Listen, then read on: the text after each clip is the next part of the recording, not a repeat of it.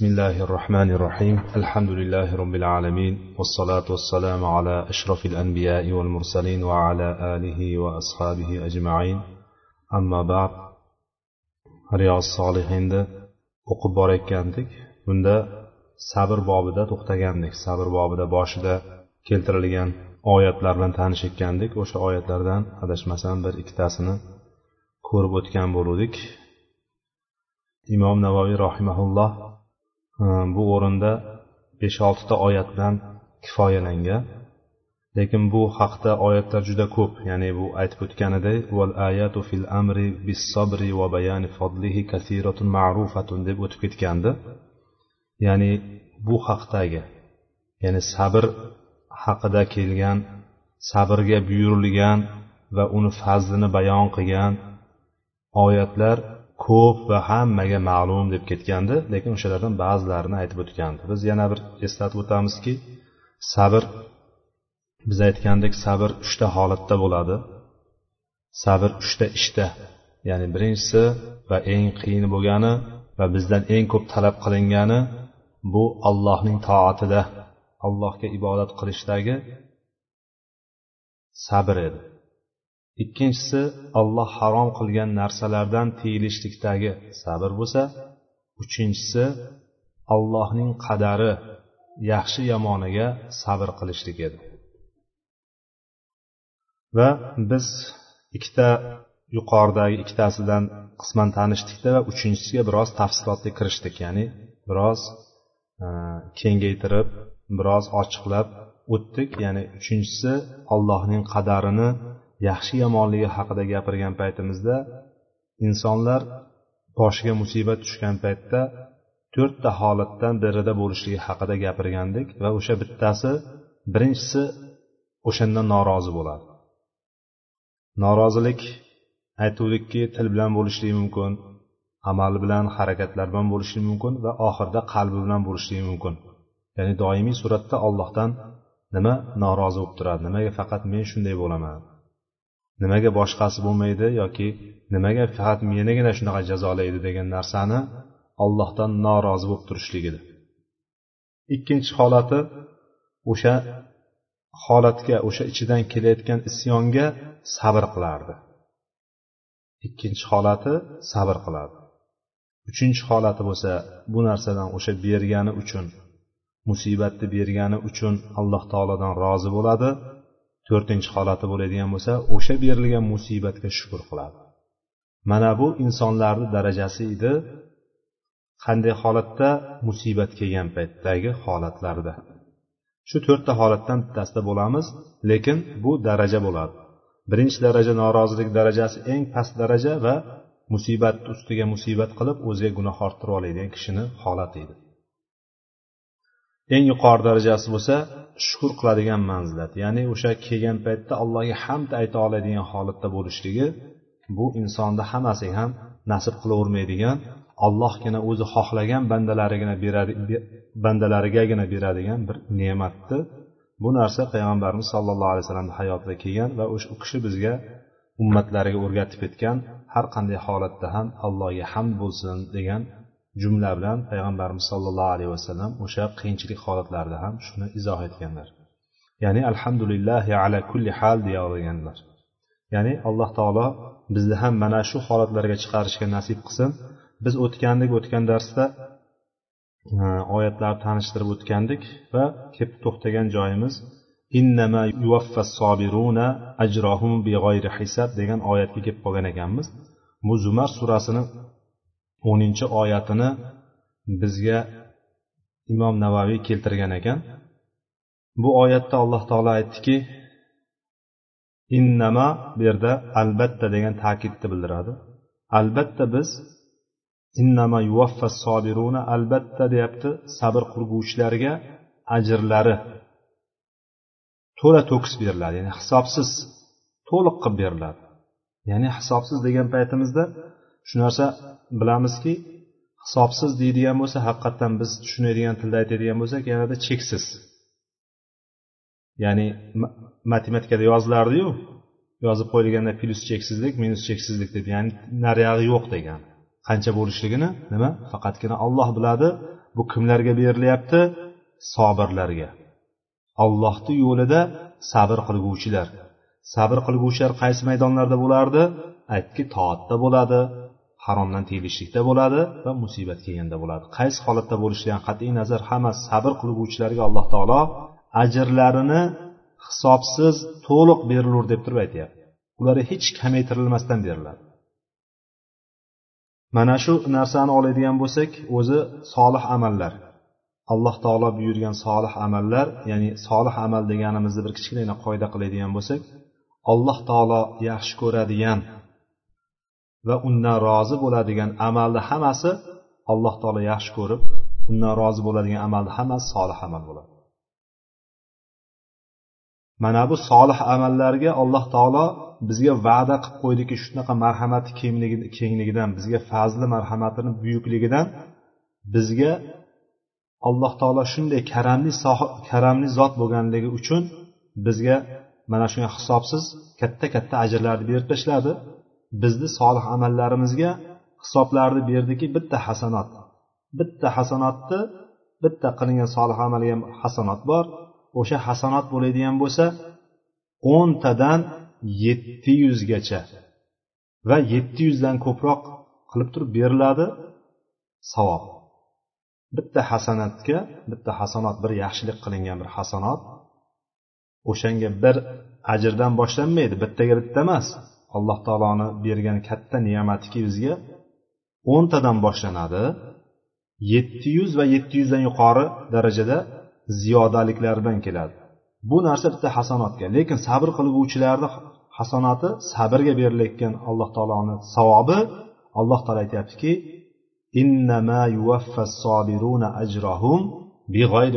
deyapti. Hisobsiz deyapti.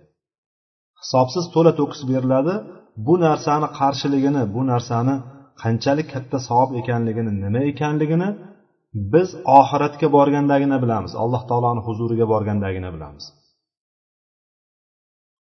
Bir hadislarda keladiki banda qiyomatda borgan paytda tog' tog' bo'lib yotgan hasanotlarni ko'radi ekan hayron bo'ladi ekan bular qayerdan kelib qoldi? deb turib. Tog' tog' bo'lib yotgan hasanotlarni ko'rib turib bu qayerdan kelib qoldi ekan? deb hayron bo'lib qoladi.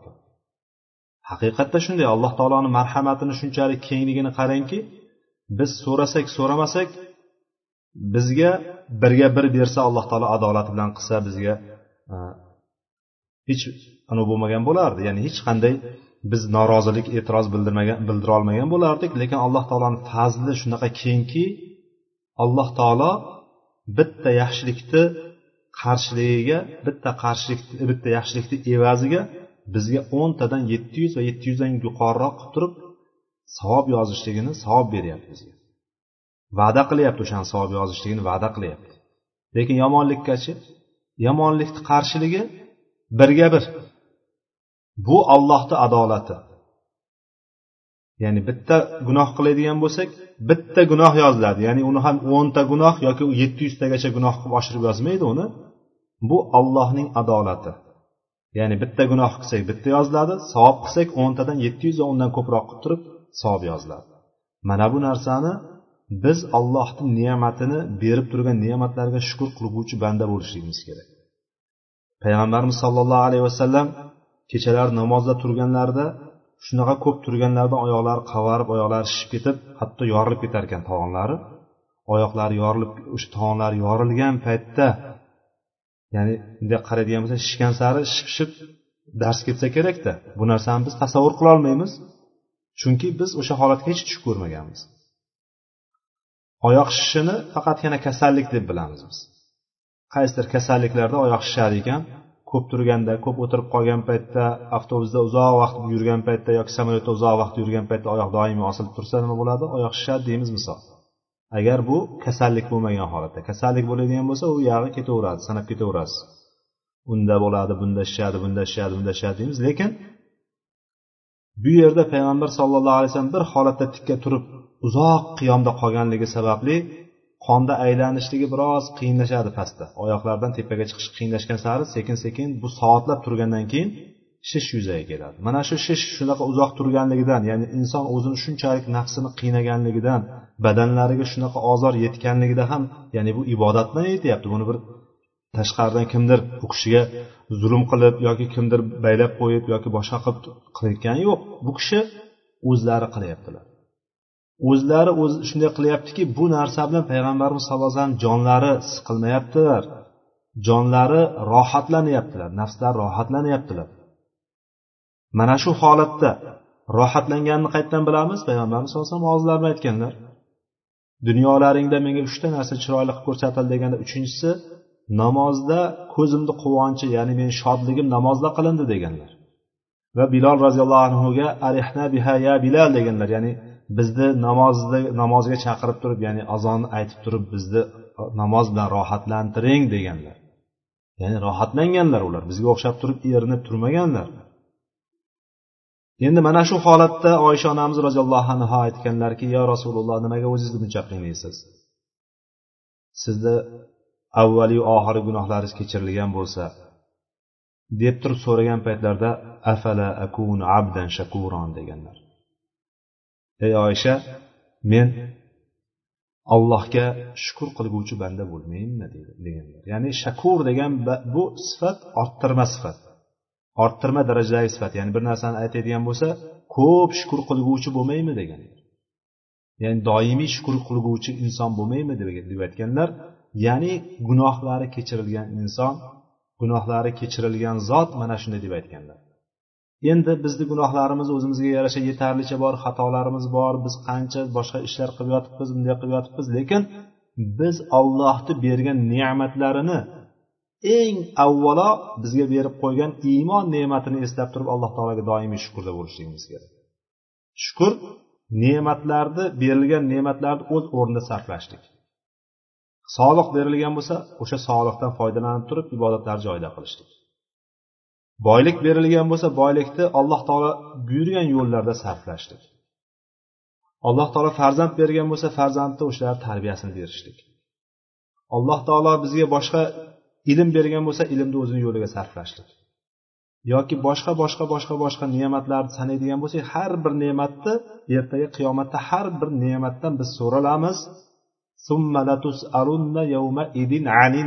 Degan oyatda so'ngra bu har bir ne'matdan so'ralasizlar. Hattoki sovuq suvdan ham so'ralasizlar deganlar payg'ambar sallallohu alayhi vasallam. Ya'ni biz ne'matlarni qadriga yetishimiz kerak. Demak mana shu o'rinda bizga berilgan shuncha ne'matlar bor ekanki alloh taologa biz nima? Tinimsiz shukur qiladigan bo'lsak o'sha shukurni qarshiligi nima? Unga ham qaranglar. Bizga unga ham qarshilik qo'yib qo'ydi. Biz shukur qiladigan bo'lsak bu hasanat bo'ladi. Hasanatimiz o'ntadan yetti yuz va undan yuqoriroq savobga ega bo'ladi. Va mana bu sabr qiladigan bo'lsak o'zimiz uchun qilyapmiz sabr to'g'rimi? Sabr qilyapmiz lekin alloh taolo bizga nima? Cheksiz savob beryapti. Cheksiz savob berib turib hisobsiz bizni ajrlarimizni beryapti. Buning uchun alloh taologa hamd sano aytishimiz kerak. Va keyingi oyatda alloh taolo aytyaptiki deyapti. Endi bu yerdagi oyatda kimda kim? O'ziga yetgan ozorlar bo'lsin yoki ibodatda bo'lsin yoki haromlardan tiyilishlikda bo'lsin sabr qilsa. Ya'ni kimda kim sabr qilsa sabr qilolsa va va g'ofaro va kechirib yuborsa. G'ofaro umuman ko'rmaganday bo'lib ketishlik. Ya'ni boyagini aytib bittasi keladi sizga. Bir birodaringiz deylik mayli boshqa e, toifalarni gapirmay turaylik. Ya'ni boyagi aytayotgandek johilni kofirni mushrikni gapirmay tura qolaylik. Biz o'zimizni ichimizda birinchi sal isloh qilishga harakat qilaylik. Bir kishi keldi deylik bizni birodarimiz. Keldida sizga aytyapti ey birodar men shu payt xato qilib qo'ygandim. Seni haqqingda ba'zi bir narsalarni gapirgandim yoki seni haqqingdan urib qolgandim seni haqqingga zulm qilgandim deydi misol. Xoh mol jihatdan bo'lsin xoh boyagi aytganda obro' jihatdan bo'lsin qaysi jihatdan bo'lsa ham keldida uzr so'rayapti. Biz nima qilamiz? Ha sen shunaqa qilganmiding? deb boshlaymiz. Boshlagandan keyin boyagi agar o'sha paytgacha nafratimiz bo'lmagan bo'lsa o'sha payt nafratimiz oshib ketib qoladi nimaga? Nimaga oshib ketib qoladi? Lekin mana shu yerda biz sabr qilishligimiz kerak bo'lar ekan va g'ofaro ya'ni ko'rmagan deb ketishimiz kerak ekan. Ya'ni o'sha narsani butunlay o'chirib tashlashligimiz kerak ekan. Ana o'shandaqa o'chirib tashlaydigan holat bo'ladigan bo'lsa sabr qilib o'chirib tashlaydigan kishilarga alloh taolo va'da qilyaptiki nima deyapti? Inna zalika lamin azmil umur deyapti. Mana shu narsa ishlarni eng maqsadga muvofiqrog'i mana shu o'zi deyapti. Eng ko'zlangan narsa o'zi shu aslida. Kelgan kishini kechirib yubora olishlik. Alloh taologa bir qaranglar alloh taoloni bir sifatiga qaranglar tavba bobida o'tdiga tavba bobida tavba eshigini doimiy ochiq turishligini dunyo umri davomida butun gunohlarni qilib hatto shirk botqog'iga botib yotgan odam ham kelib turib ollohni eshigini yoniga kelib turib eshigini taqqillatsa alloh taolo shunday ijobat qilganligini ko'rgandik boyagi to'qson to'qqizta odamni o'ldirgan oxirida yuzinchi odamni ham o'ldirgan odamni hattoki hali tavba qilibdi yaxshi amallarni qilmasa ham alloh taolo uni qabul qilib turib uni jannatiga dohil qilganligini ko'rgandik. Ya'ni biz ollohning sifatlari bilan sifatlanishligimiz kerak o'zimizga o'sha narsadan ibrat olishligimiz kerak. Mana bu narsa aytyaptiki kimda kim sabr qila oladigan sabr qiladigan bo'lsa va o'sha narsaga kechirib oladi kechirib yuboradigan bo'lsa. Ya'ni xatolarni kechirib olib intiqom olmasdanmi qasos olmasdanmi olloh uchun kechirib yuboryapti boyagi mana bu narsada katta narsa bor. Lekin mana bu sifatga ko'pchilik nima? Yetisha olmaydigan sifat. Juda ko'pchiligimizga insonimiz bizni nafsimizga juda eng og'ir keladigan narsalardan bittasi lekin alloh taolo mana shu narsani eng maqsadga muvofiq ish debdi demak buni orqasida nima bor? Yuqoridagi oyat bilan cheksiz savoblar bor. Bu holatda ikkita holat bor ya'ni bir kishi aytyaptiki e, deylik aziyat qayerdan yetib kelyapti? Aziyat kelyapti o'sha aziyatda sabr qilyapti ya'ni musibat kelyapti bo'yniga o'sha musibatga sabr qilyapti. Yoki ozor kelyapti ozorga sabr qilyapti zulm qilyapti zulmga sabr qilyapti o'shani ko'taryapti. Birinchisi yoki ikkinchisi alloh taoloni yo'lida ibodatda bo'lganligi uchun ozorlanadi ya'ni ikkita holat bor. Ikkinchisi bilamiz og'irroq. Ya'ni olloh ham o'zi biz ollohni aytganini qilib turibmiz lekin shunda ham bizga zulm yetib kelib qolishligi bu ollohni yer yuzida o'rnatgan sunnati. Chunki payg'ambarlarga hammasiga nima? Butun inson hammasi qarshilik qilgan. Ergashganlar bo'lgan albatta. Lekin insonlarni aksariyati payg'ambarlarga qarshilik qilgan. Demak bu bizga keladigan qarshiliklar ollohni yo'lida yuramiz deydigan bo'lsak bizga otiladigan toshlar ustimizga ag'dariladigan mag'zavalar hammasi nima ekan? Bu ollohni yer yuzida o'rnatgan sunnati payg'ambarlarni yo'li ekan. Va mana shu holatda ikkita holat bor. Endi inson faqatgina kechirib yuborsa bo'ldimi? Kechirib yuborsa bo'ldi. Degan joy emas kechirib olsa bo'ldimi deganni bir boshqa oyatda ham qaytaramizki faman afa va aslaha fa ajruhu alalloh dedi alloh taolo. Boshqa surada shuro surasini qirqinchi oyatida kim af qilib yuborsa kechirib yuborsa af bilan mag'firat bir biriga yaqin narsa. Kechirib yuboradigan bo'lsa va aslaha aslaha degani o'shani isloh qiladigan bo'lsa o'rtani isloh qilsa o'rtani tuzatmasdan turib kechirib yuborishlik joiz emas.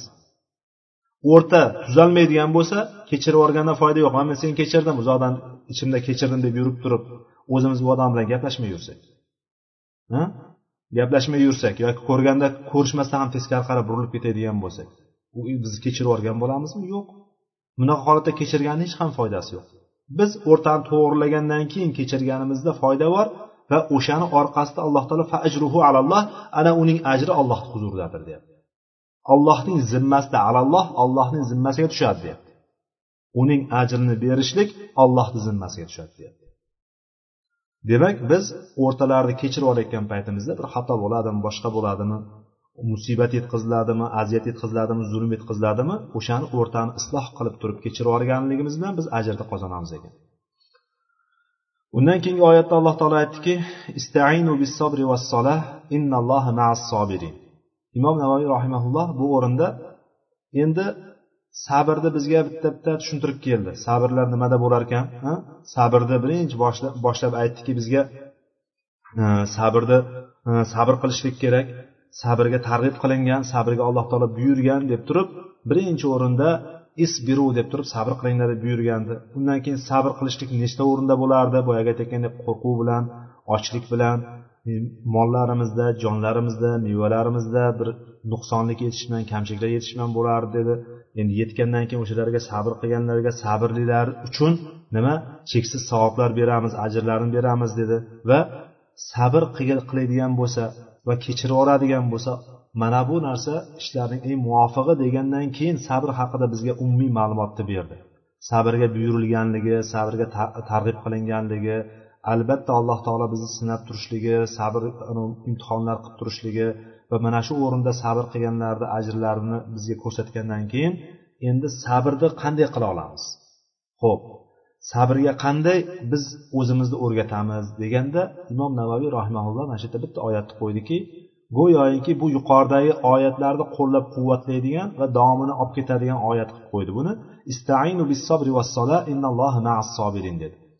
Alloh taolo baqara surasi bir yuz ellik uchinchi oyatida bu oyat ham boshlanishi ya ayyuhalladina amanu bilan boshlanadi. Ya ayyuhalladina amanu stainu bis sabri vas innalloha ma'as baqara surasini bir yuz ellik uchinchi oyat ey mo'minlar deb chaqirgan oyatda ham birinchi o'rinda istain alloh taolodan madad so'ranglar.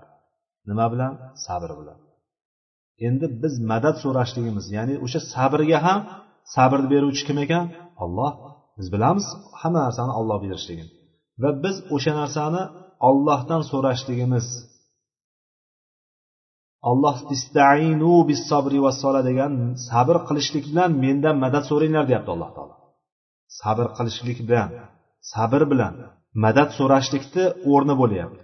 Biz namozda turgan paytimizda iyyaka na'budu va iyyaka nastain deymiz iyyaka na'budu degan sengagina faqat sengagina sig'inamiz sengagina ibodat qilamiz va faqat sendangina madad so'raymiz degan nastain degani madad so'raymiz sendan degan. Faqatgina deb turib faqat ollohdangina qilamiz so'raymiz. Demak madad so'rashlik biz sabr bilan madad so'rashligimiz kerak.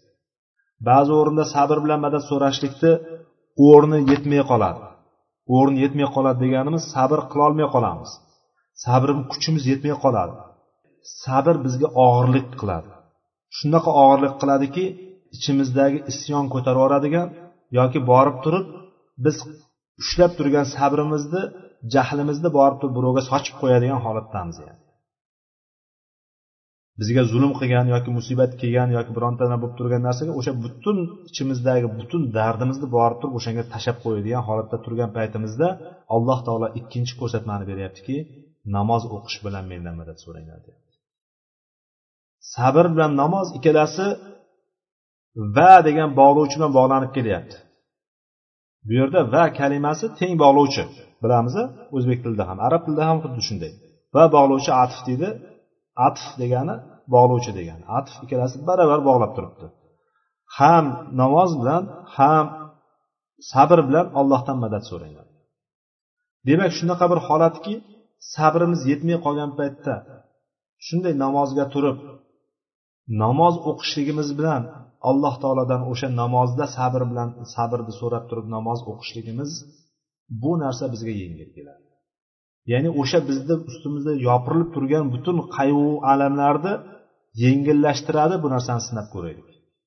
Sinab ko'rsak bilamiz bu narsani. Shunaqa qiyin holatda biz butun hamma narsani yig'ishtirib qo'yib butun mukammal tahorat qilib shunday kelib joy namozga kelib butun dardimizni maxluqqa emas xoliqqa ya'ni yaratilganlarga emas yaratuvchini o'ziga alloh taologa murojaat qilib turib alloh taolodan so'raylik madad so'raylik shu narsani yengillashtirishini so'raylik alloh taolo albatta bizga yengilligini beradi. Va qalbimiz xotirjam bo'ladi. Qalbimizni xotirjam bo'ladi. Biz bandalarga kimgadir borib turib dardimizni aytadigan bo'lsak yoki kimgadir borib zahrimizni sochadigan bo'lsak zahrimizni sochganimizdan keyin tinchimaymiz kelganimizdan keyin yana o'sha zahrimizni sochib qo'yganligimiz uchun ichimizni it tirnaydi yana. Nimaga shunday qildim? Chunki jahl chiqqanda qildik. Jahl chiqqanda nima qiladi? Aql ketadi deydi. Aql ketgan paytda borib turib noaqllik bilan ya'ni aqlsizlik bilan bir tonna narsani gapirib tashlaymiz yoki bir tonna narsani qilib kelamiz. O'sha bir tonna narsani hammasini o'zimizga ko'taramiz. Kelib turib har bittasi ko'zimizni yonimizdan o'taveradi o'taveradi o'taveradi va bizni ichimizdan kemiraveradi kemiraveradi kemiraveradi lekin biz bu dardlarimizni hammasini namozga turib turib namoz o'qib turib namozni kerak bo'lsa uzun o'qib turib ichida duolarni ko'paytirib orqasidan allohga chin qalbdan yolvorib so'rasak dardimizni aytsak o'sha dardimiz yengil bo'ladi. Buni orqasidan ichimizdagi g'uborlar ko'tarilib ketib qoladi. Alloh taolo bizni namoz bilan sabr bilan madad so'raydiganlardan qilsin. Mana bu holatda alloh taolo kengligini beradi. Shuning uchun ham hadislarda hadisda keladiki bilginki deydi allohning yordami har doim sabr bilan birga bo'ladi. Sabr qilamiz allohni yordami keladi. Sabr qilamiz allohni nusrati keladi. Nusrat alloh nusrati yordami deymiz. Biz ko'proq nusrat deb tushunib qolganmiz. Nusrat deganda biz o'ylaymizki hamma narsadan nimani? Musulmonlarni g'olib bo'lish deb bilamiz. To'g'ri bu ham bitta ma'nosi. Lekin nusrat degani xos ham keladi. Alloh taoloni bir bandasiga yordami. O'sha yordami keladi qanday? Nima bilan bo'ladi? Albatta sabr bilan bo'ladi. Annan nasra sabr dedilar payg'ambar sallallohu alayhi vasallam. Ya'ni nusrat sabr bilan bo'ladi. Sabr bilan birga kelasiz. Sabrsiz bizga nusrat kelmaydi. Ya'ni jang maydonida turib g'olib bo'lishlik uchun ham sabr bilan orqaga chekinmasdan oyoqlari ya'ni mustahkam bo'lgan holatda bir joyda turib urisha oladiki orqaga siljimasdan ana o'shanda g'alaba keladi. Orqaga qochib tisarilib qochadigan bo'lsa unga g'alaba kelmaydi. Shuning uchun o'sha yerda o'zida sabr bilan tura olishlikni o'zi nima ekan? Nusratni bir sababi ekan sabr qila olishlik. Gapda gapiraverishlik mumkin. Unday qilib yuboraman bunday qilib yuboraman deyishlik yoki palonday qilib yuboraman pistonday qilib yuboraman deyishlik bu og'izga tilga oson. Lekin o'sha maydonda turib turib qalbga kelganda hammani ham qalbi chidaveradigan holat emas. Alloh taolo shuning uchun bizga payg'ambar orqali bildirib qo'ydiki jangda dushmanga ro'barama ro'baro kelishlikni hech ham orzu qilmanglar dedi. O'tgan darslarimizdan birida eslatgandik. Ba'zi bir narsalarni hayron bo'lmanglar qayta qayta eslataveradi bu. Deb hayron bo'lmanglar chunki bu narsalarni qayta qayta eslataverishlikdan bir manfaat borki o'sha narsa sizlarni zehnlaringga mahkam o'tirib qolsin deb xotiralaringga mahkam o'tirib qolsinki o'sha narsa sizlarda bir malaka hosil bo'lsin degan maqsad. Bitta narsani yozdirib yodlatishlik bilan hosil bo'lishi mumkin. Ilmni bitta yo'li bitta narsani yozdiradi yodlatadi. Lekin yodlagan narsa takror bo'lmasa u ham chiqib ketadi. Biz bilgan narsani yodlamasdan turib ham o'sha narsaga amalga kirishadigan bo'lsak amaliy suratda qilingan narsa joyida qoladi. Ya'ni bitta narsani takrorlayveramiz takrorlayveramiz takrorlayveramiz va bir kun amalga kiradi sizlarda ha inshaalloh. Amalga kirita oladigan bo'lsak o'sha amalga kirgan narsa amaliy suratda bizni qo'limizda qoladi. Mana bu narsaga biroz e'tibor qaratganim uchun bir ba'zi narsani qayta qayta aytaman. Ho'p nusrat sabr bilan birga bo'ladi. Va annal faraja ma'al karb dedilar. Ya'ni kenglik alloh taoloni kengligi alloh taoloni bizni ustimizda qiyinchilik yopilib turgan yo'llar boshimizga tushib turgan musibatlar nima bo'lishidan qat'iy nazar? Bizga torlik bo'lib qoldimi? Tanglik bo'lib qoldimi? Ya'ni bemalol olmasmiz ibodatni bemalol qila olmasligimiz mumkin o'zimiz xohlaganday yashay olmasligimiz mumkin boshqasi bo'lishi mumkin bunisi bo'lishi mumkin. Ya'ni sanaydigan bo'lsak juda ko'p narsa bor. U insonni har bittasiga xos keladi. Masalan xos. Masalan menga bu narsa bo'lishi mumkin deyishi mumkin. Bittasi aytadi yo'q men shu erkinroq bo'lsam deydi. Yana bittasi aytadi yo'q men deydi mana shu musibatlar ko'tarilsa yana kimda qanday bo'lsa ya'ni umumiy suratda aytyapmizki bu yerdagi faroj kenglik alloh taoloni kengligi bu bo'lsin nafsiy kenglik bo'lsin. Bu bo'lsin badaniy kenglik bo'lsin. Bu bo'lsin diniy kenglik bo'lsin. Bu har tomonlama alloh taoloni kengligi albatta nima bilan ekan? Mashaqqat bilan ekan. Maal karb. O'z o'zidan kelib qolmaydi bu kenglik orqasida nima bor ekan? Mashaqqati bor ekan. O'sha mashaqqat yonma yon keladi ekan. Doim yonma yon ya'ni siz keng joylarda keng bo'lib yurishligingiz uchun boshida ozgina o'sha kenglikka yarasha ozgina xizmat qilib qo'ygan bo'lishingiz kerak ekan. To'g'ri buni ba'zilar aytish mumkin ba'zilar borku masalan hech qanday qiynalmagan yoshligida mana shunaqa bunaqa deyishimiz mumkin. Bu narsani alloh taoloni bergan ne'mati alloh taoloni fazli. Biz alloh taoloni fazliga biz aralasha olmaymiz. Alloh taolo kimgadir fazlini bergan bo'lsa u narsani orqasida sinov uchun bergan bo'ladi. Yoki nauzu billah ikkinchi holat istidrojiy deydi. Istidrojiy degani arqonni uzun tashlab qo'yish deymizu biz. Ko'chani anosida aytganmiz arqonni uzun tashlab qo'yadida sekin tortib oladi deb qo'yamiz arqonni uzun tashlash degani alloh taolo ne'matlarini beraveradi. Bu gunoh qilgan sari gunoh qilaveradi yoki noto'g'ri yo'llarga kiraveradi. Pul topishlik bo'lsin boshqa bo'lsin nima bo'lishidan qat'iy nazar. Qancha gunohga kirib boraversa allohni ne'mati shuncha kengayib boraveradi. Bu degani allohni ne'mati shuncha kengayib boraveradi shuncha sho'ng'ib boraveradi gunohiga. Oxiri u qaytolmaydigan holatga olib kelib turib alloh taolo o'sha holatda oladi. Nauzubillah alloh saqlasin. Ya'ni ko'zini ko'r qalbini qotirib qo'yadi. Mana bu narsa bo'lishligi mumkin. Mana bu narsadan allohdan panoh so'rashligimiz kerak. Ya'ni bitta gunoh qilsak yanada ne'mat kelaveradi. Yana oshirsak yanada kelaveradi. Ya'ni o'sha gunohda hattoki davom etib kelaveradi.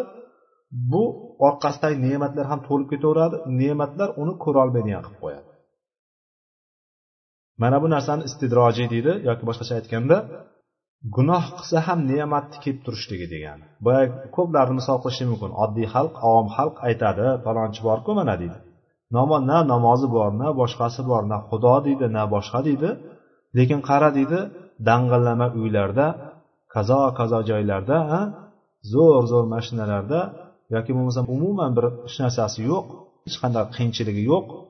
Bironta narsani o'ylamaydi hamma yegani oldida yemagani ketida. Odamlar ko'pincha shu moddiy jihatdan o'lchaydigan bo'lib qoldi xossatan bugungi kunimizda.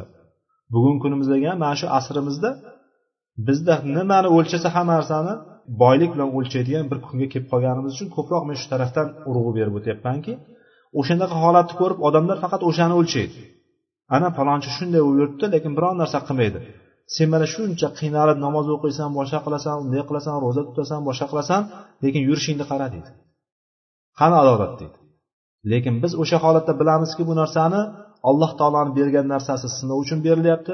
Albatta har bir bergan chaqa har bir berilgan tangani ham ertaga hisobi borligini bilamiz va o'shani berilgan kishidan ko'ra berilmagan kishini dinda salomatroq bo'lishligini ham bilamiz. Va o'sha narsani uchinchi holati arqonni uzun tashlab qo'yadigan holat ham bo'lishligi ehtimoli yo'q emas. Alloh taolo bizni o'sha holatdan saqlab qolsin. Va uchinchi narsasini aytdiki va anna ma'al usri yusro ya'ni har bir qiyinchilikdan keyin albatta nima bor? Osonchilik bor. Bitta qiyinchilik keldimi? Albatta bilingki orqasida osonligi bor. Alloh taoloni yengilligi bor. Bizga qiyinchilik boshimizga tushdimi? Xoh kasallik keldimi xoh musibat keldimi xoh boyagidek kambag'allik keldimi nima bo'lishidan qat'iy nazar bizga qiyinchilik keldimi? Albatta yengilligi bor kutaylik shu narsani. Nima bilan kutamiz? Sabr bilan kutamiz. Shuning uchun hadislarda keladiki payg'ambarimiz sollallohu alayhi vasallam haqida xabar berilganda annahu ida hazabahu amrun fazi'a ila deb keladi. Bu yerda payg'ambarimiz sollallohu alayhi vasallamni shunday bir hislatlari bor ediki bu ummatga bizga sunnat bo'lib qolishligi kerak biz o'zimizni hayotimizda o'sha narsani qo'llashligimiz kerak. Nima ekan? Agar u kishini bir narsa o'ylantirib qoladigan bo'lsa bir narsa qiynaydigan bo'lsa ya'ni bir ish u kishiga og'ir keladigan bo'lsa nima qilardi? Namozga shoshilardi ya'ni namoz o'qishlikka harakat qilardi. Ya'ni bizni boshimizga nima musibat keladigan bo'lsa u musibat qayerdan kelyapti? Biz o'zimizdan kelyapti aslida. Lekin beruvchi kim? Beruvchi olloh zulmni inson qilyapti. Ana yerda sen biz qilyaptimi? Boshqasi qilyaptimi? Zulmni kim qilyapti? Ular qilyapti. Lekin zulm o'sha zulmni bo'lishligini yaratilayotganini kim yaratyapti? Olloh yaratyapti. Olloh beryapti bu narsani. Olloh qilmaydigan bo'lsa ular hech narsa qila olmasdi. Lekin o'sha narsani olloh xohlayaptiki bo'lyapti. Demak biz kimga sig'inishligimiz kerak buning uchun? Allohga qaytamiz. Ollohdan so'raymiz o'sha narsani ko'tarishligini allohga sabr qilib turib ollohdan so'raydigan bo'lsak nima bilan? Namoz bilan. Mana bu yerda solat payg'ambarimiz sallallohu alayhi vasallamdan kelgan holat namozga shoshilardi. Boshimizga kelgan musibat bo'lsin zulm bo'lsin qiyinchilik bo'lsin nima bo'lishidan qat'iy nazar. Ikki rakat namoz o'qib turib alloh taolodan so'raylik. Bu narsani o'ziga qilib yurgan odamlar o'zlari biladi. O'sha narsani lazzatini o'sha narsani ta'mini inson biladi. Lekin qilib yurmagan odamga bu narsa yot qilib yurmagan odam bu narsani lazzatini qilmasdan turib bilmaydi. Asal asal asal haqida gapiraversa gapiraversa gapiraversa asal yemagan odam asalni nimaligini qayerdan bilsin? Asalni bir yalab ko'rgin lazzatini bilasan deydi. Ha biz ham shu namoz haqida gapiryapmiz gapiryapmiz gapiryapmiz. Bir ishimizni boshimiz qiyinchilik tushganda musibat tushganda og'irlik kelganda bir ishimiz yurishmaganda har qanday holatda allohdan so'raylik namozdan degan holatda shuni bir qilib ko'raylik lazzatini ko'ramiz. Undan keyingi oyatda innalloha ma'as sobirin dedi. Alloh taolo sabrlilar bilan birgadir degan oyat. Endi mana shu yerda biroz to'xtaladigan joyimiz bor. To'xtaladigan joyimiz sal kengroq to'xtaladigan joyimiz alloh taolo sabrlilar bilan birgadir sabr qilguvchilar bilan birgadir degan oyat. Bu oyatda alloh taoloni birgaligi o'zbek tilida birgaligi alloh taoloni birgaligi degan narsaga bor. Arabchada to'g'ri tarjima qilganda maiyat deydi. Alloh taoloni maiyyati degan gapni eshitib qolsalaring nima ekan deb o'ylanib qolmanglar. Alloh taoloni maiyyati degani alloh taoloni banda bilan birgaligi. Alloh taoloni insonlar bilan birgaligi degan maiyati. Mana shu maiyati alloh taoloni maiyati umumiy bo'lishligi mumkin va xos bo'lishligi mumkin. Umumiy bo'lgan paytda oyatda keladiki va huva ma'akum aynama kuntum degan oyat bor. Sizlar qayerda bo'lsalaringiz bo'ynar va huva ma'akum u sizlar bilan birgadir degan oyat. Mana insonlarni hammasiga tegishli gap bu. Hozir sizlarni biroz chuqurroqqa olib kiraman chunki chuqurroqqa olib kirishligimni sababi sizlarni hayollaringga kelmagan savollarni men keltiraman. Sababi ertaga birontasi kelib turib bironta bir e, toifa aqidaviy aqidada bir salgina g'uluv ketgan chuqurroq ketgan yoki boshqacharoq e, adashib qolgan bir toifalar kelib turib sizlarga savol bergan paytda sizlar dovdirab qolmanglar degan maqsadda men chuqurroq o'zim olib kiraman bu narsani. Ya'ni aytyaptiki va huva ma'akum aynama kuntum. Sizlar qayerda bo'lsalaringiz ham alloh sizlar bilan birga deydi. Bu narsani g'urur ketganlar nima deydi? Oladida ha demak hozir men shu uyda turgan bo'lsam uyda o'tiribman demak olloh ham meni yonimda o'tiribdi ekan deydi. Yo olloh ham bor ekan deydi. Demak qayerda bo'lsam olloh o'sha yerda bo'ladigan bo'lsa hozir ko'zim nimaga tushsa demak o'sha olloh ekan degan g'ulotlar bor ya'ni g'urur ketib chuqur ketib qolgan adashgan toifalar bor. Lekin unday emas bu. Hozir yana oyatlarni biroz kengaytirib boramiz tushunib olasizlar. Va boshqa hadis oyatda aytdiki alloh taolo ma yakunu min najwa thalathatin illa huwa rabi'uhu va la khamsatin illa huwa sadisuhum va la adna min zalika va la aksara illa huwa ma'ahum aynama kanu dedi. Bu ham oyatni boshqa ko'rinishi bu ham e, diyalamiz ayni oyatni bir surati deb turib ya'ni bunda aytyaptiki alloh taolo e, bir uch kishi bo'ladigan bo'lsa uch kishi o'zaro sirlashib turadi najvo degani bir to'planishib olib turib tashqaridagi odamlar eshitmasligi uchun bir biriga qulog'iga shivir shivir qilishligini bir biriga pichirlab gapirishini pichirlashib gapirishni najvo deydi. Ya'ni maxfiy suhbat deymiz yoki bunday olib qaraganda uch kishi turgan bo'lsa ikkitasi pichirlashib gaplashyapti uchinchisiga eshittirmasligi uchun. Mana shunaqa pichirlashib gaplashilgan uch kishi bo'lmasin illo to'rtinchisi ollohdir beshta bo'lmasin oltinchisi ollohdir va undan kam bo'lmasin yoki ko'p bo'lmasin olloh ular bilan birgadir. Va huva mahum deyapti va u ya'ni olloh ular bilan birgadir. Ayna makanu qayerda bo'lishlaridan qat'iy nazar deyapti ayna makanu qayerda bo'lsa bo'lsinlar ular yashirinib gaplashgan pichirlashib gaplashganda olloh o'sha yerdadir degan narsa kelib chiqyapti. Maiyati alloh taoloni birgaligi demak aytishlik mumkinki boyagi aytayotgan g'ulotlarni fikrida ha demak bu shunaqa ekanda alloh taolo fikr kelib chiqadi. Lekin unday emas biz buni qanday sharhlaymiz bu maiyat alloh taoloni maiyati birgaligi umumiy maiyat deymiz. Ya'ni butun insonlarga tegishli. Hamma maxluqqa tegishli. Bu narsani alloh taolo qanday ilmi bilan o'shalarni bilib turganligi bilan nimani gaplashib turganlarini eshitib turganligi bilan va ularni ustida qudrati sultoni bo'lganligi bilan ko'rib eshitib turishligi bilan va boshqa narsalardan alloh taolo ularni butun hamma tomondan qamrab olgan ilmi bilan bilib turishligi bilan alloh taolo o'sha bilan birgaligi deyiladi. Hozir sizlar boshqa boshqa uylarda o'tiribsizlar bittalaring u boshqa shaharda bittalaring boshqa shaharda. Hozir biz birgamizmi birga emasmizmiz ya'ni meni eshityapsizlarmi eshitmayapsizlar? Hozir o'zbek tilida mana shu narsa birgalik deb tushuniladimi? Ya'ni bitta majlis deb tushuniladimi hozir. Vaholanki bittalaring boshqa uydasizlar bittalaring boshqa uydasizlar bittalaring u boshqa shahardasizlar boshqa boshqa boshqa uzoq uzoq joylardasizlar misol. Shu o'tirgan holatda gaplashyapmiz gaplashayotgan paytimizda hammamiz bitta majlisda hisoblanamizmi? Hozir gapirsalaringni eshitaman yoki meni gapimni hammalaring eshitib turibsizlar misol. Mana shu birgalik deyapmiz. Bu yerda birgalik qayerdan bo'lyapti hozir? Men o'sha majlisda o'tirgan sizlarni ichlaringda o'tirganlaring yonlaringda o'tirganim bo'lyaptimi? Yo'q. Men yerda yo'qman faqatgina gapirib turibman gapimni eshitib turibsizlar. Sizlar o'sha eshitishliklaring bilan meni o'zlaringni yonlaringda ekanliklarini tasavvur qilyapsizlar o'sha majlisda o'tiribdi go'yoki bo'lyapti. Vaholanki alloh taolo faqat eshitishlik bilan emas alloh taolo bilishligi bilan o'sha jarayon nima bo'lyapti? Ularni butun qamrov olyapti. Va ularni nima qilyapti? Eshitib turishligi ko'rib turganligi bilan bilishlikdan tashqari eshitib ko'rib bilib turganligi. Hammasi bilan alloh taoloni bilishligi alloh taoloni ularni birgaligi degan narsa kelib chiqadi. Bu butun bandalarga xosligi. Butun bandalarga kelyapti. Hammaga umumiy suratda kelyapti. Bu yerda siz ham tegishlisiz boshqa ham tegishli ayta kofir ham mushrik ham kim bo'lishidan qat'iy nazar alloh taoloni birgaligi ularni bilib turishligi bilan endi ikkinchi holat bo'ladi xos maiyati. Alloh taoloni maxsus maiyati. Maxsus maiyat degan paytimizda alloh taolo maxsus xoslab aytgan paytda bu yerda alloh taoloni maiyatidan yuzaga keladigan taqozo qiladigan narsa alloh taoloni yordami alloh taoloni qo'llab quvvatlashi bo'ladi. Alloh taolo birga desa qanday bo'ladi? Alloh taolo faqatgina ko'rib eshitib bilib turganligi bilan emas unga qo'shimcha tarzda nima qo'shiladi ekan? Alloh taoloni yordami alloh taoloni qo'llab quvvatlashi qo'shilar ekan. Shuning uchun bu yerdagi dediku oyatda.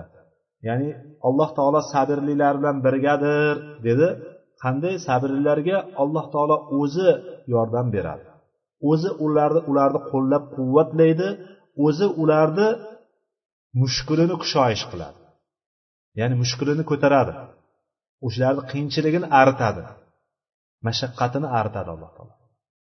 Shu bilan yoki boshqacha qilib aytganda boshqa oyatda kelyaptiki innalloha taqav hum muhsinun dedi alloh taolo. Alloh taolo albatta alloh taolo kimlar bilan birga? Maalladina taqov taqvolilar bilan taqvo qilganlar bilan birga. Va valladina hum muhsinun va o'zlari muhsin bo'lgan bandalar bilan birgadir taqvodorlar bilan va muhsinlar bilan birgadir deyapti. Nima uchun? Bunda nima qiladi ekan? Bu xos bu ham alloh taolo ularga yordamini beradi nusratini beradi. Alloh taolo ularni qo'llab quvvatlaydi. Kimlarni taqvodorlarni muhsinlarni va mana bu oyatda innalloha sobirin alloh taolo demak sabrlilar bilan birgadir. Alloh taolo qo'llaydi o'zi quvvatlaydi. Va o'zi yaxshi ko'rgan narsaga ularni burib qo'yadi. Demak sabr qilishlikni kichkina narsa emas ekanligini mana shu yerdan bilamiz. Alloh taolo o'zini maiyatini kimlarga aytdi? Taqvodorlarga muhsinlarga aytdi va mana bu o'rinda sabrlilarga aytdi. Hammaga ham aytavermadi. Namoz o'qiganlarga demadi ro'za tutganlarga demadi yoki boshqa demadi. Hammasini bitta xoslab aytganligi o'sha maqomda ya'ni sabr maqomini. Sabrda turishlikni juda og'ir ekanligini alloh taolo bayon qilgandek go'yoki. Ya'ni siz sabr qila oling haqiqiy sabr qila oling alloh taolo sizga yordamini beradi degani kelib chiqardi. Va sabrni yuqorida aytganimizdek hech cheksiz ya'ni hisob kitobsiz hech qanday hisobsiz to'la to'kis to'liq qilib ajrni berishligini sababi ham sabr shunchaki oddiy narsa emas ekanligi kelib chiqadi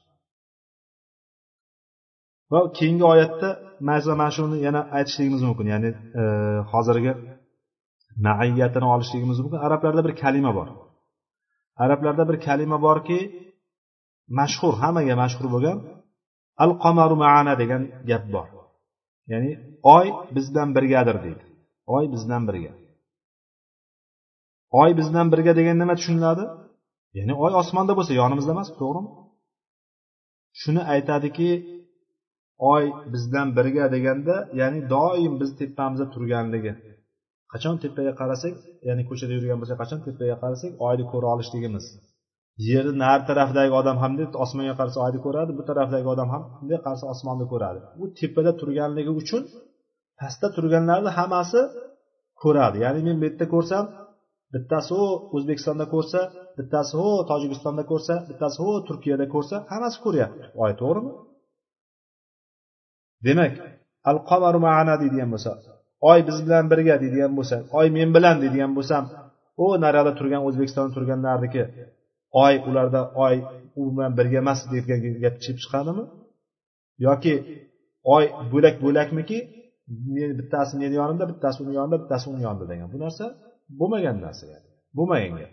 Ya'ni alloh taolo alloh taoloni bir bandasi bo'lgan maxluqi bo'lgan bir oy tepada turib insonlarga nisbatan hammasidan barobar bo'lib turibdimikan? Birga bo'lib turibdimikan? Vaholanki u eshitmaydi bizni. Faqatgina u bizni ko'rmaydi ham balki maxluq u. Alloh taolo ko'z bersa ko'rar balki ko'radigan o'zi bir e, ko'radigan qilib qo'ysa ko'rar. Lekin u ko'rgan yo'q eshitgan yo'q bizni bilgan yo'q.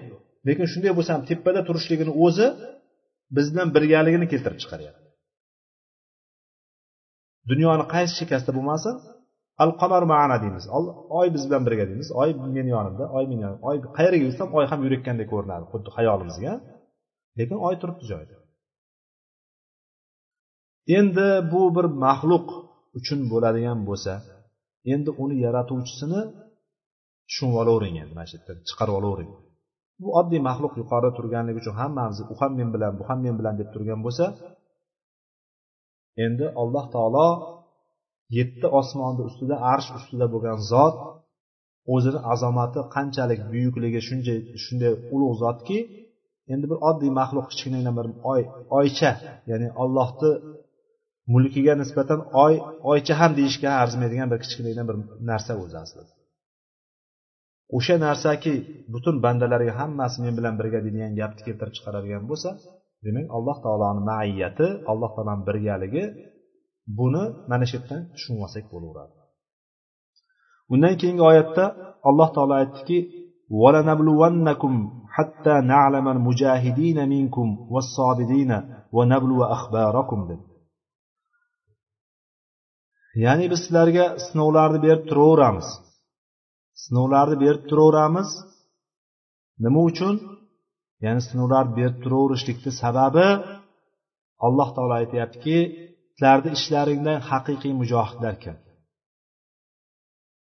oralaringizda ya'ni moli joni bilan ollohni yo'lida jihod qiluvchi mujohid kim? Va butun har qanday holatida ham kengligida ham xorligida ham achchiq kunlarda ham yaxshi kunlarida ham har qanday holatda ham sabr qilguvchi zotlarni o'shalarni bizni ichimizdan ya'ni inson butun insonlarni ichidan mujohidlar haqiqiy mujohidlar kim? Haqiqiy sabr qilguvchilar kim ekanligini bilgunimizcha sizlarni imtihon qilamiz deyapti alloh taolo. Demak biz doimiy suratda biz imtihon ustidamiz. Bu dunyo zotan bilamizki nima? Bu dunyo o'zi sinov dunyosi. Nima keladigan bo'lsa hamma narsa sinov. O'sha sinovdan biz to'g'ri o'tadigan bo'lsak oxiratda bizga nima bor? O'shani qarshiligi bo'lgan jannat bor. O'tolmaydigan bo'lsak olloh saqlasin bunda hukm allohga qoladi. Xohlasa bu imtihondan o'tolmaganligimiz uchun bal qo'shib turib boyagi aytayotganday bahoni orttirib balki jannatiga o'tqizib yuborar yoki o'tolmaydigan o'tolmaganimiz uchun adolati bilan alloh taolo nima? Do'zaxiga tashlar alloh saqlasin. Qisqasi mana shu dunyo sinov. Sinov dunyosida demak har bir narsada sinalib boraveramiz. Hatto alloh taolo bizni ichimizda kimlar haqiqiy mujohidlar ekanligini bilganicha ustimizga sinovlarni berib turaverar ekan. Ya'ni sinovlar shunaqa qattiq keladiki odam ichida kim o'zi u? O'ziga o'zi ma'lum bo'lib qoladigan joyigacha bunday olib qaraganda har kim o'zini kimligini biladi. Musibat tushib o'sha narsa boshimizga tushgan paytda o'sha ish boshimizga kelgan paytda o'zimizni kimligimizni yanada yaxshiroq bilaveramiz. Zotan alloh taolo bizni hamma narsani bilardi. Nima uchun biz bilishligimiz uchun deyapti? Biz bilishligimiz degan narsadan bizni bilimimiz sizlarni ustilaringda ko'rinishligi uchun degan ma'no kelib chiqadi. Bizni bilgan narsamiz alloh taolo biladi hamma narsani. Bo'lgan narsani ham bo'lmagan narsani ham bo'lsa qanday bo'lishligini ham bo'lmagan narsa bo'lib qolgan taqdirda qanday bo'lishini ham alloh taolo hamma narsani biladi. Avvaliy oxir hamma narsani biladi alloh taolo. O'sha bilimiga yarasha kitobga yozildi hamma narsa. O'sha narsa kitobga yozib qo'yildi. Ana endi bu yerda alloh taoloni bilimi bilgan ilmi bizni ustimizda zohir bo'lishi ko'rinishligi va biz hattoki o'zimiz ham kimligimizni yaxshilab bilib olishligimiz uchun alloh taolo bizga beraveradi sinab qo'yaveradiki biz o'zimizni ha men o'zi hech narsaga yaramaydigan bir hech narsa emas ekanman o'zi. Bir narsaga ham arzimaydigan ekanman arzim pichoqqa ilinmaydigan deb qo'yadiku pichoqqa ham ilinmaydigan ekanman o'zi. Shunaqa qilib turib o'zimni katta sanab yurgan ekanman degan joygacha olib kelib qo'yadi insonni. O'zini tabiatidan o'zini kimligini u haqiqiy musulmonmi haqiqiy mo'minmi haqiqiy sabr qilguvchimi haqiqiy mujohidmi alloh taolo o'ziga o'zini bildirib qo'yadi hattoki. U birov aytishligi shart emas hali sen ey bunday qilding xatoni bunday qilding deyishlikka qo'yib turavering uni. Insonlarni o'lchovi har xil bo'ladi. Insonlar o'lchayotgan narsada har doim o'zini ko'rgan darajasida o'lchaydi. Lekin bu yerda inson o'zini o'zi o'lchaydigan joyga keltirib qo'yadi alloh taolo. Alloh taolo mana shu sinovlarda bizni muvaffaqiyatli o'tishimiz nasib qilsin. Ho'p boshqa oyatda aytyaptiki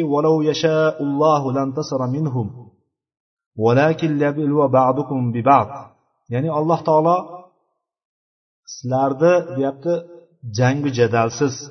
Boyagi jang maydonida alloh taolo urushtirmasdan ikkita masalan kofirlar bu yoqda mushriklar turibdi bu yoqda musulmonlar turibdi. Ikkalasi bir bilan urushyapti hamma narsa ollohni huzurida bo'ladigan bo'lsa ollohni qo'lida bo'ladigan bo'lsa alloh taolo birdan g'olib qilib qo'ysa mumkin ediku to'g'rimi? Noto'g'rimi to'g'ri albatta. Ya'ni alloh taolo urushsiz ya'ni musulmonlarni g'olib qilib qo'yishligi mumkin edi. Inson qorni ochqayapti ovqatsiz alloh taolo qorni to'ydirib qo'yishligi mumkin edi. Ovqat sabab qilmasdan turib suv suv ichmasdan turib chanqog'imizni qondirib qo'yishligi mumkin edi. Farzand bo'lmayapti. Farzand bo'lishligi uchun erkak ayolni birga bo'lishligini shart qilmasdan turib bir marta ko'rishib qo'yganda bo'lib qolishligi ham mumkin qo'yishligi mumkin edi. Hamma narsa mumkin edi lekin alloh taolo o'sha narsalarni yuzaga kelishligini bir biriga bog'liq qilib qo'ydi. Alloh taolo qodir lekin o'sha narsani bir biriga sabablarni bog'lab qo'ydi. Farzand bo'lishi uchun er, er erkak xotinni birga bo'lishligini shart qilib qo'ydi. Ha boshqa qorni chiqadigan bo'lsa ovqat yeyishni shart qilib qo'ydi. Jang maydonida g'olib bo'lishlik uchun jangda urushishni sabab qildi.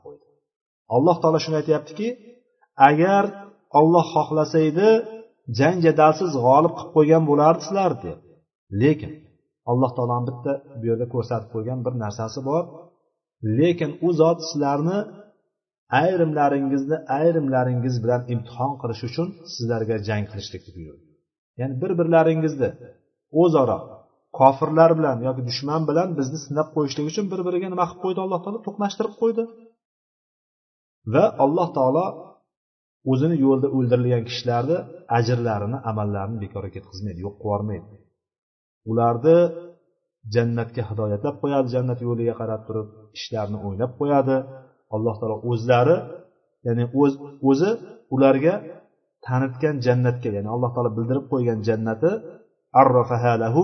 alloh taolo ularga bildirib o dunyoda aytgandi jannat bunday jannat bunday deb aytgan jannatga ularni kirgizib qo'yadi. Sabab nima bo'lyapti? Agar alloh taolo jang jadalsiz bizga urushsiz bizni g'olib qilib qo'yganda ichimizda shahidlar qayerda qolardi jang maydonida jang qilib turib allohni kalomini oliy qilaman degan mujohidlar qayerda qolardi? G'oziylar qayerda qolardi? Ya'ni bu narsa ko'rinmagan bo'lardi. Ya'ni alloh taoloni sinovi shunaqa keladiki har bir bandaga keladi. Har qanday holatda keladi.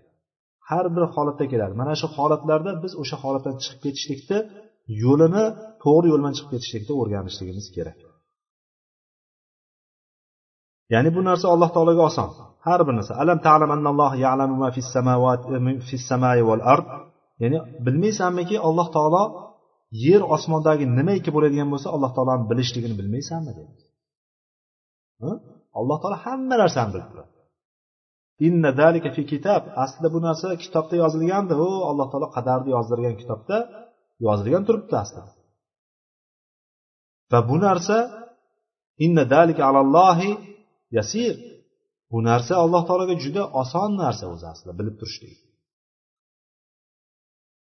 shuning uchun alloh taolo nima bilishligi bu yerda bandalarni holatlarini o'zlariga ham bildirib qo'yishligi va o'shan bilan alloh taolo o'zlari ularni jannatga kiritishligi uchun alloh taolo nima sinovlarda tinimsiz berib turar ekan. Bu yerda mujohid kalimasini biroz to'xtaymiz. Mana mujohid kalimasida endi mujohid degan paytda inson bitta narsa tushunadi har doim bizda jang maydonidagi kishi tushunadi. Lekin bu narsa keng kengroq tushunamiz. Kengroq tushunamiz deganimiz aslida ollohni kalomini ollohning kalimasini ya'ni tavhid kalimasini la ilaha illalloh kalimasini dinni oliy qilaman degan dinni ya'ni yuksaltiraman degan har bir kishi mujohid hisoblanadi. O'shani yo'lida kurashgan har bir kishi o'shani yo'lda xizmat qilgan har kishi har bir kishi deyiladi. Shulardan bittasi eng katta yo'li ilmi bilan jihod qilishlik bor va qilichi bilan jihod qilishlik bor. Ba'zi olimlar hattoki sanagan paytda ilm bilan jihod qilishlik qilich bilan jihod qilishlikdan ko'ra afzal ham deydi. Mana bu narsaga ozgina to'xtalgan joyim yetarli mana shu. Ya'ni ala kulli hal qanday bo'lgan taqdirda ham mujohid degan paytda inson ollohni kalomini oliy qilishlik maqsad allohni kalimasini oliy qilishlik maqsad bo'lsagina u mujohid sanaladi. U jang maydonida o'zini ko'rsatib qo'yish uchun borgan bo'lsa mujohid hisoblanmaydi. O'lsa shahid hisoblanmaydi. U ixlos bobida o'tuvdiga bittasi kuchliman deb jang qiladi bittasi boyagi bittasi millatchilik uchun jang qiladi bittasi odamlar ko'rsin uchun jang qiladi. Endi mana shularni hammasi jannatdami mana shular hammasi shahidmi degan paytda payg'ambar sallallohu alayhi vasallam aytganlar allohni kalomini oliy qilish uchun kurashgan kishigina mujohid deganlar. Ya'ni mana shuning uchun inson niyatlarni birinchi bobda imom navoiy rahimalloh ham bu kitobida birinchi bobda niyatni keltirdi. Hamma darsni asosida o'sha niyatga qaytaveramiz. O'sha niyatsiz ishimiz ish bo'lmaydi amalimiz amal bo'lmaydi. Ho'p bu oyatlar e, allohu alam oyatlarimiz oxiri mana shu bilan tugadi. Oyatlarimizni oxiriga yetkazdik. Imom navoiy keltirgan oyatlar bilan biroz qisqacha tanishib chiqqan bo'ldik. Bu albatta tafsir emas faqatgina shu narsalarni ozgina tushunishlik. Tafsir boshqa narsa o'zi tafsir kengroq sharh bo'ladi. O'shalarni har bitta kalimalariga to'xtaladi kerak bo'lsa boshqasiga to'xtaladi boshqa oyatlarga to'xtaladi. Bu yerda qilgan narsamizni tafsir emas ozgina shu narsani ozgina e, bayon qilishlik sharh qilishlik e, tomonidan bo'ldi keyingi darsdan inshaalloh yigirma oltinchi hadisga kelib to'xtabmiz yigirma oltinchi hadisda davom etamiz alloh muvaffaq qilsa alloh taolo umr bersa سبحانك اللهم وبحمدك أشهد أن لا إله إلا أنت أستغفرك وأتوب إليك وآخر دعوانا أن الحمد لله رب العالمين